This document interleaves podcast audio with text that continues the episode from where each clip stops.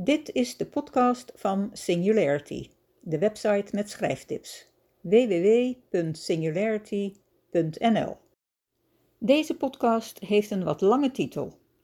Blije, gelukkige personages saai? Nee hoor. Om te boeien moet je boek tegenslagen, rampspoed en andere problemen bevatten. Je lezers willen dat je personage in een crisis komt te verkeren en voor allerlei lastige uitdagingen komt te staan. Dat maakt het spannend. Een boek dat alleen maar snort in het zonnetje en waarin het leven van je personages loopt zoals ze willen, is vrijwel altijd saai. Maar dat betekent niet dat je personages doorlopend zwaarmoedig en ongelukkig moeten zijn. Je personages, ook de sombere, zijn soms best jolig en opgewekt. Zelfs je protagonist, die het heel zwaar krijgt, kan zo nu en dan gelukkig zijn. Ook al zou dat maar gebaseerd zijn op een misverstand. Hoe beschrijf je die blije opgewekte personages, of je protagonist die even in een happy bubbel verkeert, zonder dat je lezer gaat gapen van verveling en in slaap valt, en de volgende dag je boek niet meer openslaat? Daarvoor geef ik aan wat blije mensen typeert. Blije, gelukkige mensen zijn niet blij en gelukkig omdat ze bijvoorbeeld heel rijk zijn. Het zit in hun karakter en geestesgesteldheid. Ze hebben een positieve kijk op de wereld. Blije mensen zijn tevreden met wat ze hebben. Ze zijn ook best geïnteresseerd in dingen die ze niet hebben, maar ze worden niet ongelukkig als ze die niet kunnen krijgen. Wat ze hebben is goed en genoeg. Het draait bij hen niet om consumeren en hebben, maar om empathie, liefde, verbinding en begrip. Je kunt dat uitbeelden door bijvoorbeeld als ze bezig zijn met iets doodnormaals, een kapotte stoel repareren, een taart bakken, een trui breien, noem maar op, te laten zien dat ze daar helemaal in verzonken zijn. Blije mensen kennen geen wrok.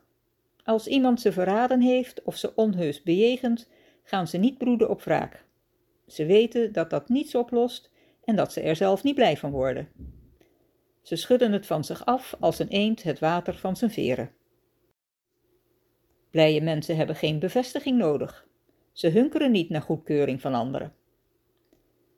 Blije mensen zijn empathisch, grootmoedig en goedgeefs, altijd bereid om iemand die het slechter heeft getroffen te helpen. Zij zijn degenen die daklozen en bedelaars een warme trui, eten of geld geven.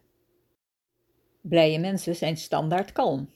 Je zult ze zelden haastig of zenuwachtig zien. Ze zijn niet verslaafd aan hun telefoon of pc en kunnen genieten van niets doen. In je boek kun je dat tonen door het contrast met haastige, paniekerige en tobbende, niet zo blije mensen. Blije mensen lezen anderen niet de les, maar helpen juist mensen die ze zien worstelen met iets wat niet lukt. Blije mensen zijn mensen en dus niet perfect en onfeilbaar.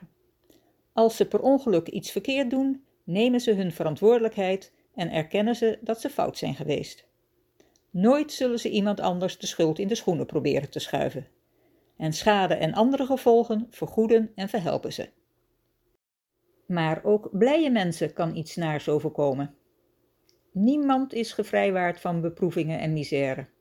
Ook blije mensen niet maar zij gaan daar manmoedig mee om en pakken problemen aan. Verdriet en angst kan zich voordoen, maar ze zullen zelden de moed laten zakken. Hun mentaliteit is daar niet op gebouwd. Hoe deze personages met tegenslaan omgaan, maakt je verhaal spannend. Vooral omdat je lezer je sympathieke personage in zijn of haar hart heeft gesloten.